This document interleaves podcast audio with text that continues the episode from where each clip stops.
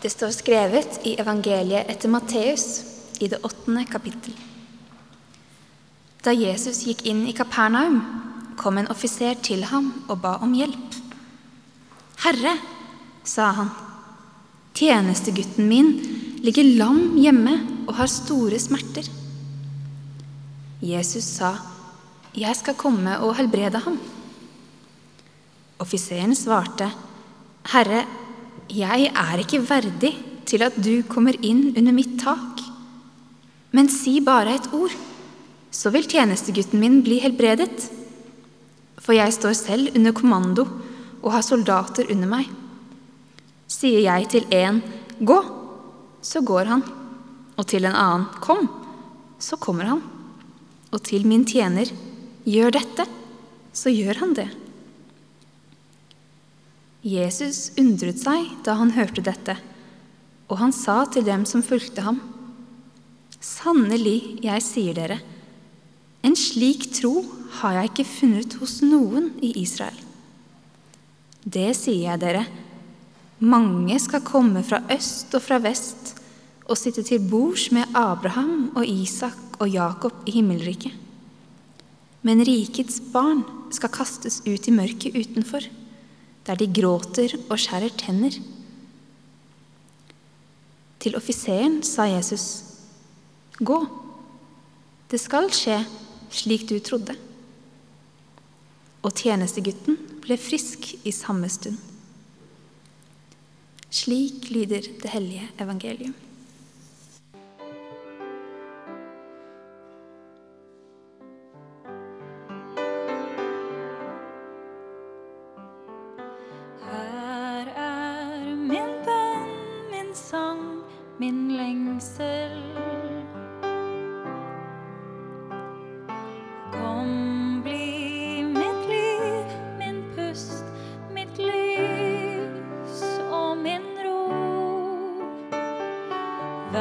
Vær du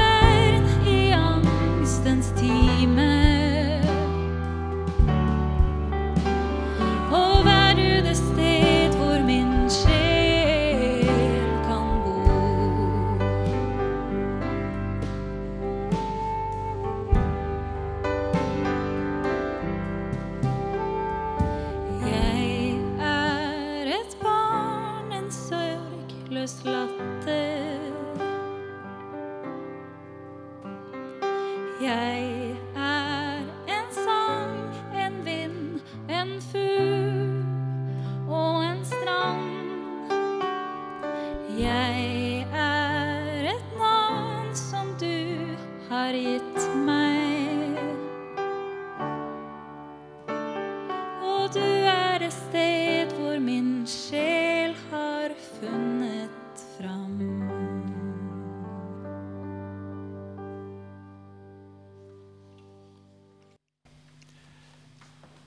I forrige uke på jubileumsgudstjenesten så benytta jeg muligheten, jeg benytta denne talerstolen til å snakke om visjonen av en kirke som er åpen, som har lav terskel, høy himmel, som evner å romme livet. En plass hvor vi kan komme med det vi er, med alt som er vårt liv, og la den urgamle kraften som er Jesus Kristus, få lov til å skape noe i oss og i våre liv. Jeg tror det er en visjon som mange her deler. Det er min opplevelse. Og Samtidig så er ikke dette alltid like lett å få til i praksis. Og når nå samfunnet åpner opp, når man i enda større grad enn før kan fylle opp timeplanen, om man velger det, så tror jeg ikke dette blir noe lettere. Det å få plass til Gud i et moderne liv. Dagens tekst om offiseren i Kapernaum kommer med noen jeg synes Det er en veldig kul tekst, og den kommer med noen innspill, noen innsikter til akkurat dette spørsmålet. Og Jeg har lyst til å løfte fram tre ting som jeg syns er spesielt interessant. Det handler om bønn, og det handler om tillit, og det handler om et uforventa eksempel til etterfølgelse. Og Vi tar og starter med det siste. Offiseren som blir et trosvitne som ingen hadde forventa at var mulig. Det er jo en vanlig greie. De som har lest litt i evangeliene og hørt noen tekster i kirka, vet det, at når Jesus møter mennesker, så møter han ofte de som er litt utstøtt, for å inkludere de inn i noe. Det er ofte de som er sosialt utstøtt, de som er syke, kanskje de fattige. Generelt de som trenger å bli sett. Og Noen husker kanskje den shabby gjengen av en eh, gjeng med disipler som var fokuspunktet for min første preken dette semesteret. Denne disippelgjengen som fulgte Jesus, en ganske shabby gjeng. Og jeg husker at når jeg jobba med den teksten, så ble jeg og Susanne sittende på kontoret og prate om altså en sånn shabby gjeng. Er det noe som treffer nordmenn i dag? Altså nordmenn hvor man er født inn i verdens rikeste land. I et samfunn hvor det finnes så mange ressurssterke, så mange innafor-folk som har det de trenger. Kanskje gjelder det også vårt fellesskap. Altså Om Jesus var blant de utstøtte dette er poenget mitt, Hvis Jesus var blant de utstøtte, hvem er da Jesus for de mange som allerede føler seg litt innafor? For de mange som har det de trenger? Kanskje er offiseren fra Kapernaum en av de personene som er litt lettere for moderne nordmenn å identifisere seg med i dag. Offiseren representerer overklassen. Han har makt, han har penger, han har folk under hans kommando, han har den sosiale statusen. Og samtidig, i den situasjonen hvor vi møter han i dag, så er han en outsider. Idet han møter den religiøse delen av virkeligheten som Jesus representerer. Det må ha vært pinlig, kanskje til og med ydmykende, for offiseren, den representanten for den romerske hær, å gå og spørre den jødiske læremesteren om hjelp. Han visste, visste kanskje ikke helt hva han skulle si. Han kunne kanskje ikke helt de riktige jødiske kodene. Men han hadde på følelsen at Jesus kunne hjelpe, så han tok en sjanse. Og Jesus responderer som vi kunne håpe. Han bekrefter offiserens tro. Han helbreder tjenestegutten som han ber for. Han lukker offiseren inn i dette fellesskapet. Ikke bare det, Han løfter han opp som et eksempel til etterfølgelse. Se på denne mannens tro. Og så snakker han hardt til sine egne. De som følte seg innafor. De som så ofte tenkte at 'vi har skjønt det', mens den gjengen der borte, de, de, de er det noe galt med. De møter han med harde ord. For meg er denne fortellinga en påminnelse. En påminnelse som jeg trenger om at det å høre til et kristent fellesskap må aldri handle om å kunne de riktige orda. om å kunne slenge ut bibelreferanser når det trengs, eller vite når man skal sitte og stå på en gudstjeneste. Å være del av det kristne fellesskapet det handler ikke om hva vi gjør. Det handler om hva Jesus har gjort. Og det er evangelium, det er gode nyheter for alle som søker Gud. At Jesus står klar til å lukke deg inn i fellesskap med seg. Og Samtidig så er det en utfordring for oss som forrige uke hørte at dere er Guds bygning. Det er en utfordring for å sørge for at fellesskapet som er i kirka, alltid forblir inviterende. Det skal holde å søke med de spørsmål man har. Så vi må klare å møte de mange som deler denne offiseren sin lengsel, men kanskje ikke har det samme vågemotet, den samme sterke troa. Da er vi over på punkt to, som jeg har lyst til å løfte fram. Dette med mot og tillit. Hør offiseren sine ord. Dette sier han til Jesus. Si bare et ord, så vil tjenestegutten min bli helbredet. Altså, Her er det en fyr som har tro på Jesus sine evner. Og Det er vanvittig flott å høre om. Og Samtidig så er det for meg det stiller et utfordrende spørsmål. Har jeg den samme troa på Jesus? Våger jeg å tro at Jesus også kan gjøre ting i mitt liv? Våger vi å tro at han, at han kan gjøre noe i våre liv? I kapittelet før dette var kapittel 8 i Matteusevangeliet, kapittel 7, så kan vi lese disse kjente ordene. Be, så skal dere få. Let, så skal dere finne. Bank på, så skal det lukkes opp for dere. Tør vi å tro på det? Tør vi den fallhøyden? Jeg syns personlig dette er vanskelig. altså. For jeg vet det er mange som ber. Som er gode mennesker, som ber, og som ikke det, opplever å få det bønnesvaret de søker. Mennesker med sterk tro. Og jeg tror, jeg er overbevist om at det ikke handler om at vi skal bare tro nok, og så høre Gud det. Og det er heller ikke poenget i dagens tekst. Heldigvis. For vår tro kan ikke gjøre Gud noe mektigere eller mer virkekraftig. Men har vi kanskje makten til å gjøre Gud litt liten i våre liv? Jeg tror det. Og jeg tror det skjer når vi ikke våger å satse på Gud. Når vi tenker at de delene av livet der, de, eh, det passer ikke så bra for Gud. Når man ber de riktige bønnene framfor det som egentlig hjertet er fullt av. Når vi lar vårt gudsbilde sette grenser for hvem Gud er for oss, da inntar vi på en måte rollen som Gud. Og Gud selv blir ikke mer enn et verktøy i våre liv. Om Gud skal være Gud i våre liv, så trenger vi tillit. Og tillit det dukker ikke bare opp av seg selv. Hvis dere tenker på de dere har tillit til, så er det nok en relasjon der. Tillit kommer alltid av relasjon. Så om vi vil komme dit at vi vil gi Gud plass i våre liv, så må vi bygge en relasjon. Det må bygges en relasjon hvor tilliten kan vokse. Og Det bringer meg til det tredje og siste perspektivet fra dagens tekst. Jeg tror det ligger en nøkkel der. La dere merke til hvordan offiseren legger fram sin bønn for Jesus. Kanskje ikke vi, Det skjer mange ganger i evangeliet, men vi tenker kanskje ikke over det. Han sier ikke kan du være så snill og kan du please bare helbrede denne tjenestegutten min? Han sier ikke 'Gud, jeg trenger, eh, syke, jeg trenger helseforsikring og medisiner'. Det han gjør, er han sier Jeg skal sitere. 'Herre, tjenestegutten min ligger lam hjemme og har store smerter.' Det er alt han sier. Det er en beskrivelse av situasjonen han står i. En ærlig fortelling. En deskriptiv bønn.